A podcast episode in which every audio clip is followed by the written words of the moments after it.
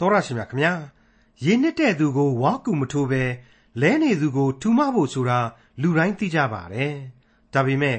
ယေရှုခရစ်တော်ကိုမိမိရဲ့ကယ်တင်ပိုင်ရှင်သခင်ဖျားအဖြစ်လက်ခံယုံကြည်ထားသူခရိယန်တူဖြစ်ပါလျက်နဲ့ရေနစ်တဲ့သူကိုဝါကူထိုးပြီးလဲနေတဲ့သူကိုလစ်လျူရှုတယ်ဆိုရင်ယေရှုခရစ်တော်ရဲ့အဆိုအမိန့်ကို နာခံလိုက်လျှောက်တဲ့သူ ဖြစ်ပါရဲ့လားစစ်မှန်တဲ့ခရိယန်တူဟုတ်မှဟုတ်ပါရဲ့လား ရေနစ်နေတဲ့သူလဲနေတဲ့သူကိုသာမကပါဘူးတတိလက်လို့ဖြစ်ပြီးဒုစရိုက်ပြုတ်မိတဲ့သူကိုပါပိုးပြီးဆိုးဝါးမသွားရလေအောင်တည်မြဲနေရမှာပြန်ပြီးတည်စီနိုင်ဖို့အတွက်ကူညီမဆရမယ်လို့ခရိယန်တမန်ကျမ်းကဆိုပါတယ်စစ်မှန်တဲ့ခရိယန်လားအတုအယောင်အမိခံခရိယန်လားဆိုတာကို ခွဲခြားသိရှိနိုင်စေမဲ့ခရိယန်တမန်ကျမ်းဓမ္မသစ်ကျမ်းပိုင်းတွေက ဂလာတိဩဝါဒစာအခန်းကြီး6အခန်းငယ်1ကနေအခန်းငယ်9အထိကို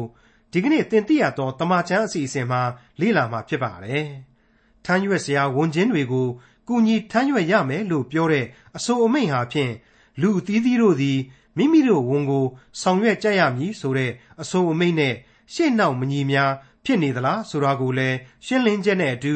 ဂလာတိဩဝါဒစာအခန်းကြီး6အခန်းငယ်1ကနေအခန်းငယ်9အထိကို ဒေါက်တာထွန်းမြတ်အေးက အခုလို သုံးသပ်တင်ပြมาဖြစ်ပါတယ်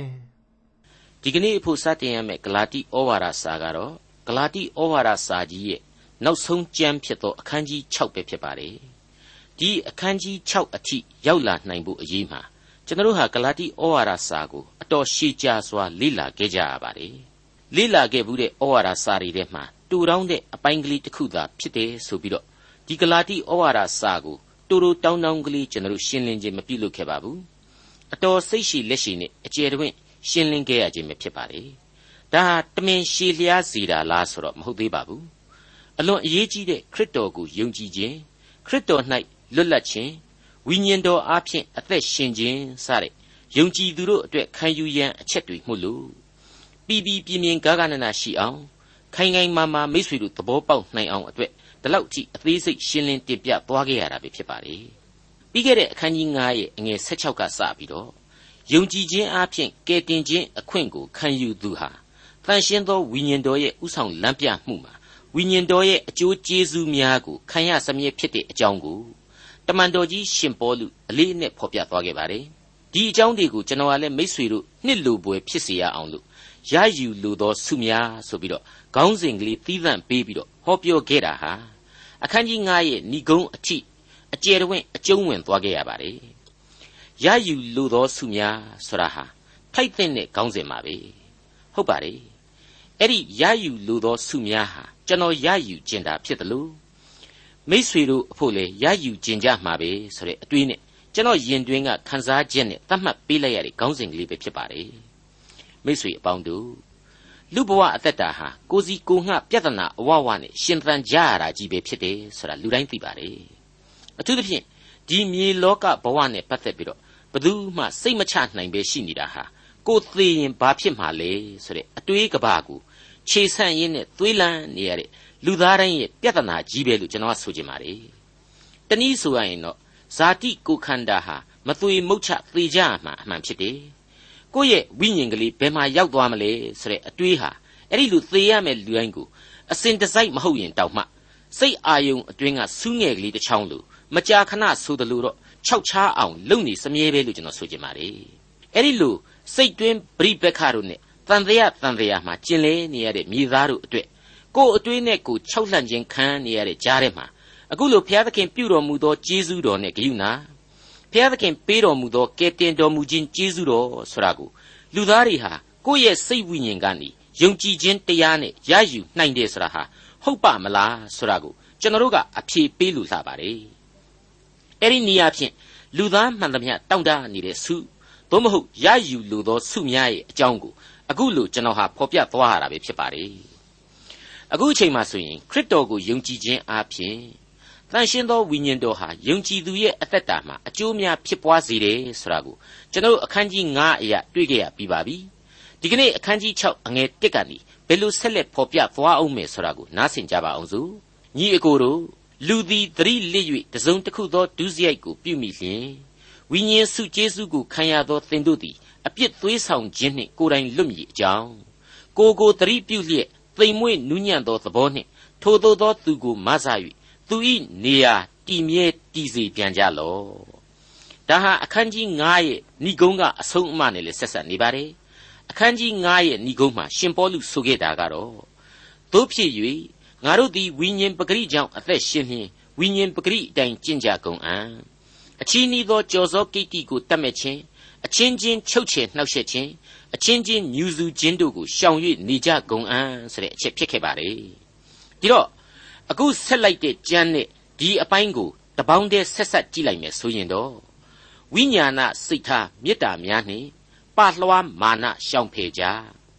သဟာယအဆွေပြစ်ရှိလေကစေရနာအပြည့်အဝကုဖေးမှာအဲ့ဒီအတိတ်ပဲအဲ့ဒီအနှစ်သာရတွေကိုဒီအပိုင်းတွေဟာဖော်ညွှန်းနေပါတယ်ဝိညာဉ်ပဂရိရဲ့အကျိုးကျေးဇူးကိုခံရသူဟာချစ်ချင်းမေတ္တာစိတ်ရှိရလိမ့်မယ် အဲ့ဒီချစ်ချင်းမေတ္တာနဲ့ဆက်ဆက်နေတဲ့အကျိုးကျေးဇူးအသီးအပွင့်များလေဝေဝေဆာဆာပွင့်လန်းစေရလိမ့်မယ်အဲ့ဒီအခါမှာမေတ္တာနဲ့ပြည့်ဝတဲ့အသက်တာမေတ္တာဝေမျှနိုင်တဲ့ဘဝအသက်တာဖြစ်လာရမယ်ဆိုတာကိုလူလူချင်းကောင်းမှုပြုခြင်းအပြင်ဆက်ဆက်ပေးလိုက်တယ်လို့လည်းကျွန်တော်ဆိုချင်ပါတယ်လူသည်သတိလစ်၍တစုံတစ်ခုဒုစရိုက်ပြုမိလျင်ဆိုတာဟာဒုစရိုက်ပြုမိတဲ့ယောက်ျားဖြစ်စေမိန်းမဖြစ်စေလူကြီးဖြစ်စေလူငယ်ဖြစ်စေဘသူကိုမဆိုရည်ညွှန်းပါလေ ပြုမိသောဒုစရိုက်ဆိုတာဟာလေမူရင်းဟေပြဲစာပေအရာအေယာမအပြစ်ကြီးကျူးလွန်ခြင်းကိုမဆိုလိုပါဘူးယုံကြည်ခြင်းရှိသောခရစ်တော်ကိုကိုးကွယ်သူဖြစ်တယ်ဒါပေမဲ့လူစားတိပဂရိသဘောအရာတစုံတစ်ခုသောပြစ်မှားလမ်းလွဲခြင်းဖြစ်မိခြင်းကိုသာဆိုလိုပါတယ်ဝိညာဉ်ရေးအမြင်အရခွန်အားနေပါသွားခဲ့ခြင်းရင်းရိုင်တွေ့ဝေသွားမိခြင်းလို့လည်းဆိုခြင်းဆိုနိုင်ပါလိမ့်မယ်ဒီနေရာမှာဟေရှာယနဂတိကျမ်းအခန်းကြီး63အငယ်6ကဖော်ပြချက်ကို အခုလိုနှိုင်းယှဉ်ကြည့်ပြန်ပါတယ်ဟေရှာယရဲ့ဖော်ပြချက်ဟာဘုရားသခင်ရဲ့မေတ္တာသဘောကိုလူသားတို့နားလည်အောင်ရည်ညွှန်းနေသလိုပဲလို့ကျွန်တော်ခံယူမိပါတယ်အမှုရောက်လေရာရာ၌သူတို့ကိုညှင်းဆဲတော်မမူရှေ့တော်မှစေလွတ်သောကောင်းကင်တမန်သည်ကဲ့တင်လျက်မေတ္တာဂယုဏတော်ရှိသည့်အတိုင်းရွေးနှုတ်တော်မူ၏ရှေးကာလပတ်လုံးသူတို့ကိုချီဆောင်တော်မူ၏ဆိုတဲ့ဖော်ပြချက်ဖြစ်ပါတယ်ဘလောက်ကောင်းတဲ့ကျေးဇူးတော်ရဲ့သဘောတရားလေဒါဟာ ပြည့်ညတ်တော်တို့နဲ့လူအဖွဲ့အစည်းကိုထိမ့်ချုပ်ထားတဲ့ရှေးကာလအချိန်ကာလမှာပင်ဖြင့်ဘုရားသခင်အစဉ်တစိုက်ဖော်ပြလာခဲ့တဲ့ကျေးဇူးနဲ့ဂယုဏတော်အကြောင်းပါပဲအတူချုပ်ကလေးကတော့အမှုရောက်လေရာရာ၌အမှုမဖြစ်နိုင်အောင်ရွေးနှုတ်ပေးတယ်ချီဆောင်ပေးတယ်ဆိုတဲ့အချက်ပါပဲမိษွေအပေါင်းတို့ခင်ဗျာကျွန်တော်မိษွေတို့ရဲ့အသက်တာတွေမှာအမျိုးမျိုးသောပြဿနာတွေဟာအကြိမ်ကြိမ်ရင်ဆိုင်ကြရတာပဲမဟုတ်ဘူးလားအမှုဆိုတာဟာဒီနေရာမှာပြဿနာကိုပြောတာပါ တရုတ်စကားပုံတစ်ခုကတော့အကုသိုလ်ဆိုတာဟာအတွဲလိုက်တက်လာတတ်တယ်အတွဲလိုက်ဟုတ်မဟုတ်တော့ကျွန်တော်လည်းမသိဘူးဒါပေမဲ့ဒုက္ခဆင်းရဲခြင်းတွေဆိုတာကတော့ကျွန်တော်ဘဝဘုံတစ်ခုလုံးမှာလူမှန်းသိကြတဲ့ကဇက်တိုက်ပဲဖြစ်ရတယ်တစ်ခုပြီးတစ်ခုလို့ဆိုရလောက်အောင်တည်ရှိရစမြဲဖြစ်တယ်လို့ကျွန်တော်ဆိုချင်ပါတယ်အဲ့ဒီလိုအမှုအခင်းပြဿနာတွေနဲ့ရင်ဆိုင်ရသူများကိုဝိညာဉ်စုကျေးဇူးခံရသူသို့မဟုတ်ခရစ်တော်ကိုယုံကြည်သူဟာဒီအတိုင်းငုတ်တုတ်ထိုင်ပြီးကြည့်မနေရပါဘူး ကိုယ်တိုင်ဟာလည်းအဲ့ဒီလိုလူတွေကလူတယောက်သာဖြစ်လို့အချိန်မရွေးအမှုပြဿနာနဲ့ကြုံရနိုင်တယ်ကိုယ့်အလှဲ့မှာကောင်းကြီးမင်္ဂလာခံစားရစီနိုင်ဖို့စာနာတရားနဲ့နူးညံ့သိမ်မွေ့စွာပြန်လဲဖေးမှကူညီပေးရမယ်ဆိုတာကိုရှင်ပေါလုသတိပေးလိုက်ခြင်းပဲဖြစ်ပါတယ်ပြီးခဲ့တဲ့အခန်းကြီး9မှာကတည်းကဝိညာဉ်စုကျေးဇူးခံရသူတို့ရဲ့အကျိုးတွေထဲမှာချစ်ချင်းကစလာတဲ့အသီးအပွင့်တွေဟာအများကြီးတွေ့ခဲ့ရပြီးပြီနူးညံ့သိမ်မွေ့ခြင်းဆိုတာဟာအဲ့ဒီထဲမှာထင်ထင်ရှားရှားပါဝင်တဲ့အချက်တစ်ခုပဲ ဒီတော့ဒါဟာကိုခန်းစားရကောင်းကြီးမင်္ဂလာကိုဝေမျှလိုက်တဲ့သဘောမျိုးပဲမို့လို့ဘာမှလည်းခက်ခဲเสียအကြောင်းမရှိလာပါဘူးအဲ့ဒါကိုမှကိုကခက်ခဲနေပြီသူတစ်ပါးကိုကူညီဖေးမဖို့ဝန်လေးနေပြီနောက်တွန့်နေပြီဆိုရင်သာလျှင်ကိုဟာအမှန်တကယ်ဝိညာဉ်ခွန်အားရှိသူဟုတ်ရဲ့လားလို့တန်တရားပွားလာရမှာဖြစ်ပါတယ်ဂလာတိဩဝါဒစာအခန်းကြီး6အငယ်1ထမ်းရွက်เสียဝန်ချင်းတို့ကိုအချင်းချင်းကူညီ၍ထမ်းရွက်သောအဖြစ် ခရစ်တော်ဤတရားကိုကျင့်ကြလော့ဘလောက်ကောင်းလေကိုနှစ်ဆက်ဆိုင်သောသူကိုကိုနှစ်အမျှချစ်လော့ဆိုတာဟာအလွန်ကျယ်ဝန်းတဲ့အတိတ်ပဲဖြစ်တယ်ဆိုတာကိုကျွန်တော်ပြောခဲ့ပြီးပါပြီခရစ်တော်ရဲ့ပြည့်ညတ်တော်အရာကဘာတစ်ခုမိသားစုလို့ပြောနိုင်လောက်အောင်ကျယ်ပြန့်နေဆိုင်တယ်ဆိုတာကိုကျွန်တော်ဖော်ပြခဲ့ပြီးပါပြီအဲ့ဒီတော့အဲ့ဒီရှင်းလင်းချက်နဲ့အခုကျမ်းနဲ့ရောပြီးတော့တွေးဆဆင်ခြင်လိုက်တော့တပားသူတို့ကိုမဆအကူညီတယ်ဆိုတာဟာခရစ်တော်ညွှန်ကြားထားတဲ့အရာ ခရစ်တော်လိုလားသောတရားဆိုတာဟာအခုကျမ်းအားဖြင့်ရှင်းလင်းစွာသိလာနေပါပြီဒီနေရာမှာဒီကျမ်းမှာဖော်ပြထားတဲ့ထ ထမ်းရွက်เสียဝန်ချင်းတို့ကိုအချင်းချင်းကူညီထမ်းရွက်ကြရမယ်ဆိုတာကိုအခုမရောက်သေးသောအငယ်9နဲ့ပူးတွဲပြီးတော့နှုတ်ကပတ်တော်ကိုသေရောတော်တော်လောက်တာကိုကျွန်တော်ကြားဘူးပါတယ်တခြားမဟုတ်ပါဘူးအခုဂလာတိဩဝါဒစာအခန်းကြီး6အငယ်9ရောက်ရင်အခုလိုတွေ့ရပါလိမ့်မယ်အဘယ်ကြောင့်နည်းဟူမူကားလူအသီးအသီးတို့သည် မိမိတို့ဝန်ကိုဆောင်ရွက်ကြရမည်ဆိုပြီးတော့ဖော်ပြထားလို့ဖြစ်ပါတယ်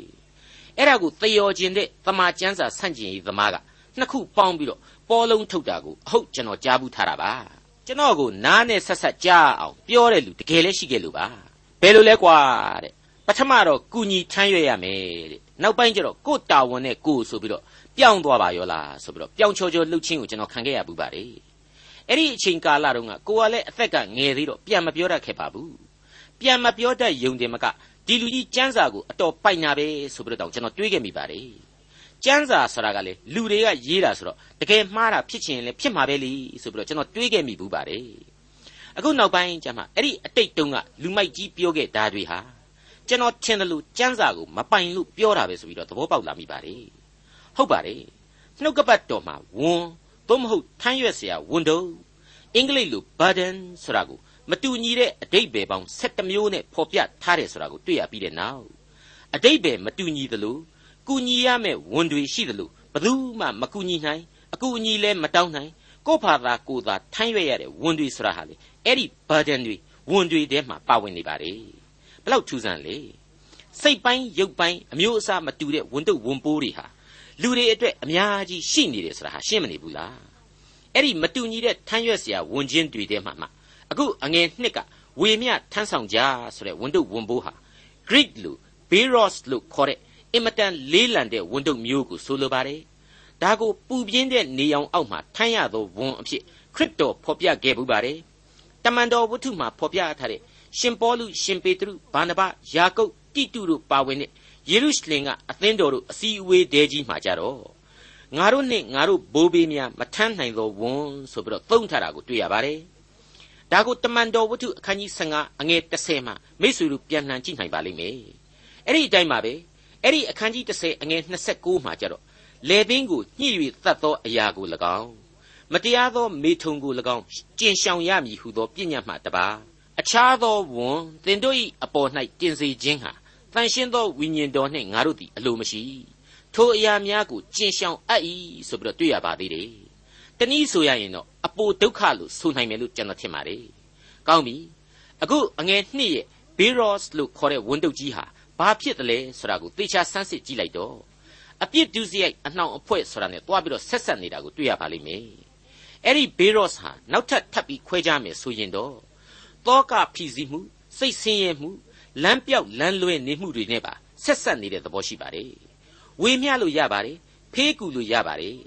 အဲ့ဒီလိုဖေးကူလို့ရတယ်ဆိုတာကရုပ်ပစ္စည်းအထုပ်အထည်ကိုတဝက်ခွဲပြီးတော့ကူတာဝေတာကိုကြီးပဲဆိုလိုတာမဟုတ်ပါဘူးနီးအမျိုးမျိုးနဲ့ဝေမျှခံစားခြင်းအားပေးခြင်းအကြံပြုခြင်းအကူအညီပေးခြင်းများအားလုံးကိုခြုံငုံဖော်ပြလိုက်ခြင်းဖြစ်ပါတယ်ဂလာတိဩဝါဒစာအခန်းကြီး6အငယ်3ကိုဆက်ကြပါအောင်စို့အကျဉ်သူသည်ဘာမျှမဟုတ်ဖဲလျက်ဤမျှလောက်ငါဖြစ်သည်ဟုစိတ်ထင်လျင် ထိုသူသည်ကိုကိုလှည့်ပြားသောသူဖြစ်၏သူများဒုက္ခရောက်နေတာကိုကိုနဲ့ဘာမှမဆိုင်တယ်လို့ဒူးကလေးနှံ့ပြီးတော့နေခြင်းဟာယုံကြည်သူတယောက်အဖို့ကိုယ်တိုင်ဟာကဲတင်ခြင်းကြောင့်သာဖြောက်မှတ်ခြင်းရလာသူဖြစ်တယ်ဆိုတဲ့ဘဝမှန်ကိုမေ့လျော့ပြီးတော့မာနတခွဲသားနဲ့ကိုကိုကိုအထင်ကြီးပြီးတော့မကူညီတာပဲဆိုတဲ့သဘောကိုရှင်ပေါလုဖော်ပြလိုက်ပါတယ်သူတစ်ပါးကိုမကူညီနိုင်လောက်တဲ့အထိကိုကိုကိုအထင်ကြီးခြင်းပဲပေါ့ထမ်းရွက်เสียဝန်တို့ကိုကူညီထမ်းရွက်ခြင်းဆိုတာက ပုံစံအမျိုးမျိုးရှိနေတဲ့အကြောင်းကိုကျွန်တော်ဆက်လက်ဖော်ပြခြင်းပါတယ်ယောဘဆိုတဲ့ယုံကြည်သူကြီးတယောက်ဆင်းရဲဒုက္ခတွေလှလှကြီးရောက်နေတဲ့အချိန်မှာသူ့တငယ်ချင်းတွေဟာပြေးပြီးတော့နှုတ်ဤဆောင်မခြင်းလှုပ်လိုက်တာကိုမိษွေတို့မှတ်မိကြမယ်ထင်ပါတယ်ငါတို့တငယ်ချင်းကြီးတနာပါတယ်ဆိုပြီးတော့ယောဘနဲ့အတူဝိုင်းထိုင်ပြီးတော့မျက်ရည်တွေကျခဲ့ကြတာကတော့အမှန်ဒါပေမဲ့ပါဇက်တီအငြိမ်မနေနိုင်မနဲ့တယောက်ပြီးတယောက်ထထပြောလိုက်ကြတာလीနောက်ဆုံးကျတော့နူယာဝဲဆွဲလဲရတခိုးထောင်းဆိုတယ်လို့ယောဘအဖို့ဖြစ်ကုန်ခဲ့တယ် ယောဘတယောက်စိတ်သက်သာရတစ်ချက်မှမဖြစ်ခဲ့တဲ့အပြင်နောက်ဆုံးကျတော့မခံနိုင်တဲ့အဆုံးခမကြီးတို့သွားကြစမ်းဗျာကျုပ်မကြည့်ချင်ဘူးဆိုတဲ့သဘောမျိုးတွေအထိဘူးတွေပေါက်တွေဖြစ်ကုန်ခဲ့တာကိုမိษွေတို့ကြားခဲ့ရတဲ့အတိုင်းပါပဲမောဘလွင်ပြင်သူမုတ်ဆိုးမကလေးယူသရဲ့ဘဝမှာကြတော့သူ့ကိုချစ်တဲ့တထေကြီးဘောဇထံကနေပြီးတော့သောကဖိစည်းမှုများမရှိစေဖို့အတွက်စေရနာနဲ့မဆကူညီခြင်းခံစားခဲ့ရတာကိုကျွန်တော်တို့တွေ့ကြရပါတယ်ယူသဟာအဲ့ဒီအချိန်မှာဘောဇကိုကိုတော်သည် လောကဝတ်စကားကိုပြော၍ကျမကိုနှစ်သိမ့်စေပါပြီဆိုပြီးတော့ပြောခဲ့တာကိုကျွန်တော်တို့ဟာယူသဝတ္ထုအခန်းကြီး2အငယ်73မှာထင်ထင်ရှားကြီးတွေ့ခဲ့ရပြီးသားပါတကယ်တော့သူများကိုကူညီနိုင်ဖို့ချစ်ချင်းမေတ္တာကိုဝိညာဉ်တော်အဖျင်ပေးသနာခဲ့သူသခင်ယေရှုရဲ့အသက်တာမှာဆိုရင်မရေမတွက်နိုင်တဲ့လက်တွေ့ပြယုံများအဖြစ်လူတိုင်းကိုမဆကူညီခဲ့တယ်ဆိုတာကိုကျွန်တော်တို့တွေ့ရပါတယ်လူစားတိကိုခံယူထားတဲ့သခင်ဟာရေငတ်လို့ဆိုပြီးတော့ရေကိုအရင်မတော့ဖ ೇನೆ ဘဝပြက်နေတဲ့ရှမာရိမိမကိုနှစ်သိမ့်စကားနဲ့အားပေးခဲ့တယ်မောလွန်းလို့အလွန်အိတ်ချင်နေတဲ့ကြားတဲ့ကတပည့်တော်တွေအကူအညီတောင်းတဲ့အချိန်မှာထပြီးတော့ကူညီအားပေးခဲ့တယ်လူတ attva တွေအတွက်ဆိုရင်ဘလောက်ယွန်စရာအခြေအနေကြီးမှာပဲဖြစ်ဖြစ်မယွန်မရှာကုသပေးခဲ့တာအသက်ရှင်ခွင့်ပေးခဲ့တာတွေအထိကျွန်တော်တို့သေသေးချာမှတ်သားနိုင်ယူခဲ့ကြပြီဖြစ်ပါတယ်ဒီနေရာမှာခရစ်တော်ကိုယ်တိုင်ကိုအားပေးကူညီခဲ့တဲ့သူကလေးဖြစ်တဲ့ မာရီဆိုသူဘေသနိရွာသူကလေးအကြောင်းဟာလေအောက်မေ့စရာတစ်ခုပါပဲရှင်မသက်ခရစ်ဝင်ကျမ်းအခန်းကြီး26ထဲမှာဒီဖြစ်ရတီကိုပြန်ကြည့်နိုင်ပါတယ်မာရီဟာကယ်တင်ရှင်ကားရိုင်တော်ပေါ်မှာအသေးခံရတော့မယ်ဆိုတာကိုသူနားလေတယ်ခံစားရတယ်ဒါကြောင့်သူ့ရဲ့အလွန်အဖိုးထိုက်တန်တဲ့နာဒုစီမွှေးကိုကြွေကွက်ကြီးတစ်ခုလုံးခွဲပြီးတော့ခရစ်တော်ကိုတကိုယ်လုံးလိမ့်ကြံပေးခဲ့တယ်လို့ဆိုပါတယ်တပည့်တော်တွေတောင်မသိသေးတဲ့အချက်ကိုမာရိဟာရိပ်မိသိရှိခဲ့တယ်ဒါကြောင့် အဲ့ဒီလိုခရစ်တော်ကိုသေခြင်းဝတ်ကိုသူပြုစုခဲ့တာပါပဲလူစားတိခံယေရှုအနေနဲ့ဘလောက်တောင်မှဒီမေတ္တာကိုထိတွေ့ခံစားခဲ့ရသလဲဘလောက်အထိလိုအပ်နေတဲ့စိတ်အင်အားတွေပြည့်ဝစွာခံစားရရှိတော်မူမှလဲဆိုတာကိုသဘာဝကြကြကျွန်တော်တို့တွေးဆနိုင်ပါလိမ့်မယ်ဒီအကြောင်းကိုရှင်မသက်ခရစ်ဝင်ကျမ်းအခန်းကြီး26အငယ်6မှ73ကိုဖတ်ရင်အခုလိုပြန်ပြီးကျွန်တော်တို့တွေ့နိုင်မှာပါ ဘေသနိရွာတွင်ရှီမုန်အမည်ရှိသောလူနူ၏အိမ်၌ယေရှုရှိတော်မူသည်ဖြစ်၍မိမတယောက်သည်အဖိုးများစွာသောစီမွှေးကြောက်ဖြူခွက်တစ်လုံးကိုအထံတော်သို့ယူခဲ့၍စပွဲနားမှလျှောင်းတော်မူသောကိုတော်၏ခေါင်းပေါ်၌သွန်းလောင်းလေ၏တပည့်တော်တို့သည်မြင်လျင်ဒေါသစိတ်ရှိသည်ဖြစ်၍အဘယ်ကြောင့်အကျိုးမဲ့ဆုံးစေသနည်းထိုစီမွှေးကိုအဖိုးများစွာနှင့်ရောင်း၍ဆင်းရဲသောသူတို့အားပေးเสียကောင်းသည်ဟုဆိုကြ၏ယေရှုသည်သိတော်မူလျှင်ထိုမိမကိုအဘယ်ကြောင့်နှောက်ယှက်သနည်း သူသည်ငါ၌ကောင်းသောအမှုကိုပြုပြီးဆင်းရဲသောသူတို့သည်တင်တို့၌အစဉ်ရှိကြ၏ငါမူကားတင်တို့၌အစဉ်ရှိသည်မဟုတ်ဤစီမွေးကိုငါကိုအပေါ်၌သွန်းလောင်းသည်မှာငါအလောင်းကိုသင်ကြူမည်ဟုပြင်ဆင်ခြင်းဟာပြုသည်ငါအမှန်ဆိုသည်ကားဧဝံဂေလိတရားကိုမြေတပြင်လုံးတွင်ဟောပြောသောအရရတို့၌ဤမိမကိုအောက်မေ့เสียဖို့သူပြုသောဤအမှုကိုကြားပြောရကြလက်တန့်ဟုမိန့်တော်မူ၏မိษွေတော်တတ်ရှင်အပေါင်းတို့ခမညာ ဒါဟာမာဂရာလမာကြီးအဖြစ်တွေ့ခဲ့ရတဲ့ထမ်းရွက်စရာဝန်ချင်းတို့ကိုအတူတကွထမ်းဆောင်ခြင်းရဲ့သဘောတရားပဲဖြစ်ပါတယ်။ဂလာတိဩဝါဒစာအခန်းကြီး6အငယ်၄ကိုဆက်ကြပါအောင်စို့။လူတိုင်းကိုပြုသောအမှုကိုစစ်ကြောစီ။တို့ပြုလျင်သူတစ်ပါး၌မဆိုဘဲကို၌သာဝါကြွားဝမ်းမြောက်စရာအကြောင်းရှိလိမ့်မည်။သူများကိုကြည့်ဝန်တုတ်ဝန်ပိုးမဖြစ်ပါစေနဲ့တဲ့။ဒီနေရာမှာရှင်ပေါလုဆုံးမလိုက်ပါတယ်။ ကိုကသူများကိုပို့ပြီးတော့ကူညီကြပါလို့ဆိုလိုခြင်းဖြစ်ပါတယ်အဲ့ဒါဟာလေအတော်အရေးကြီးတဲ့အချက်တစ်ခုပဲလို့ကျွန်တော်ခံယူပါတယ်ခရိယန်ယုံကြည်သူတွေဟာရယူဖို့တဲ့ပေးဆက်နိုင်သောသူများဖြစ်ကိုဖြစ်ကြလိမ့်မယ်ဆိုတဲ့သဘောပဲလို့ကျွန်တော်ကတော့အလေးနဲ့ခံယူမိပါတယ်ပြောတော့ယုံကြည်သူခရိယန်တဲ့အလုတ်ကိုလက်ကြောတင်းအောင်မလုပ်ချင်ဘူးဘုရားသခင်ကကြွေးလိုက်မယ်လို့ယုံကြည်တယ်တဲ့အဲ့တော့အမြဲတမ်းဗိုင်ပြန့်နေပြီးတော့ဟိုကချီလိုက်ဒီကချီလိုက်နေဆိုရင် ဘယ်လိုလုပ်ပြီးတော့ကြည့်လို့ကောင်းတော့မှာတော့ကြာလာတော့ပိုက်ဆံချီရတဲ့လူကလည်းမခံနိုင်တော့မရှိတဲ့အကြောင်းပြော့လှရောဆိုပါတော့အဲ့ဒါကြပြန်တော့လေစိတ်ဆိုးတယ်အောင်မယ်စိတ်ဆိုးတာတော့ရိုးရိုးမဟုတ်သေးဘူးနော်ရှိရသားနဲ့ထုတ်မချီတဲ့ကောင်ခရစ်တော်ကဆင်းရဲသားတွေကိုချီရမယ်မဆကူညီရမယ်လို့ဆိုထားတာကိုစကားနားမထောင်ဘူးငရဲကြီးလိမ့်မယ်တဲ့ကဲကောင်းရောလို့မဆိုနိုင်ဘူးလားအမြဲတမ်းထုတ်ထုတ်ချီနေရတဲ့လူနော်အခုတော့ကိုယ်ပိုက်ဆံနဲ့ကိုဒုက္ခရောက်ပြီဘာပဲဖြစ်ဖြစ်နော် အဲ့ဒီဒုက္ခပေးတဲ့လူပြောတာလေမှားတယ်တော့တော့မလုံနဲ့ရှိတဲ့လူဘက်ကလည်းဘလောက်ပဲအမြင်ကက်ကက်ခရစ်တော်ရဲ့ဂျေဇုနဲ့ဂရုနာတော်ကိုတော့တစ်ဖက်ကထောက်ထားရမှာဟာအမှန်ပါပဲမိတ်ဆွေအပေါင်းတို့အသက်လန်းခရီးဖြစ်တဲ့နှုတ်ကပတ်တော်ဆိုတာဟာတကယ်တော့လူအဖွဲ့အစည်းတစ်ခုလုံးရဲ့တရုတ်တကန့်ကိုဖော်ပြလဲဖော်ပြတယ်ထိမ့်ချုပ်လဲထိမ့်ချုပ်ပေးထားတယ်ဆိုရင်ဒါဟာအမှန်တရားပါပဲလူသားနဲ့အင်မတန်နီးစပ်တဲ့နှုတ်ကပတ်တော်လို့ဒီနေရာမှာကျွန်တော်တင်ပြပါရစေပြောလို့မှမပြီးသေးပါဘူး အခုကျွန်တော်ဆိုခဲ့တဲ့အချက်တွေနဲ့အလွန်ကိုက်ညီနေတဲ့ဩဝါဒစကားကိုရှင်ပေါလုဆက်လက်မွေကြားလိုက်ပါပြီစောစောတုန်းကကျွန်တော်တင်ပြခဲ့တဲ့အပိုင်းပါပဲဂလာတိဩဝါဒစာအခန်းကြီး6အငယ်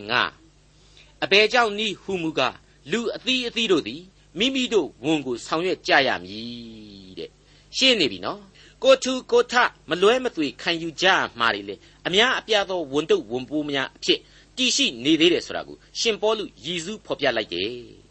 အဲ့ဒီကြံ့မိုင်ကိုပေါ့စောစောတုန်းကကုညီထမ်းရွက်ရမယ်ဆိုတာနဲ့ရောပြီးတော့ကျမ်းစာဆိုတာမကောင်းဘူးဆိုပြီးတော့အရန်အပြစ်တင်ခဲ့တဲ့လူကတင်ခဲ့တာကိုကျွန်တော်ရှင်းပြခဲ့ပြီးပါပြီကျွန်တော်ကိုယ်တိုင်လည်းအဲ့ဒီတုန်းကမနူးမနှက်အရွယ်ဆိုတော့ရောင်းပောင်ပြီးတော့အဟုတ်မှတ်ခဲ့တယ်လို့လို့ဘာလို့ဖြစ်ခဲ့တယ်ဆိုတာကိုဝန်ခံလို့ပြီးခဲ့ပါပြီတကယ်တော့စောစောတုန်းကဖော်ပြခဲ့တဲ့ထမ်းရွက်စရာဝန်ချင်းဆိုတာကဝေမျှယူလို့ရတဲ့ဝန်တုပ်မျိုးဝင်ပြီးတော့ဖြည့်ရှင်းပေးလို့ရတဲ့ဝန်တုပ်မျိုးတက်မှတ်ပေးနိုင်တယ်အားပေးနိုင်တယ်အကူအညီပေးနိုင်တယ် အကြံဉာဏ်ကောင်းနဲ့အ ਨੇ ဆုံးအကူအညီပေးနိုင်တယ်ဆိုတဲ့အမျိုးအစားမျိုးဆိုပြီးတော့ကျွန်တော်ဖော်ပြခဲ့ပြီးပါပြီဝန်တုပ်ဝန်ပူ burden ဆိုတာတွေဟာကျမ်းစာထဲမှာ7မျိုးခွဲခြားထားတယ်ဆိုတာကိုလည်းကျွန်တော်ရှင်းပြခဲ့ပြီးပါပြီအဲ့ဒီဝေမျှရမယ့်ဝန်တုပ်အမျိုးအစားက Greek စာနဲ့ Beros လို့ခေါ်တယ်ဆိုတာကိုလည်းမိษွေတို့သိခဲ့ကြပြီးပါပြီ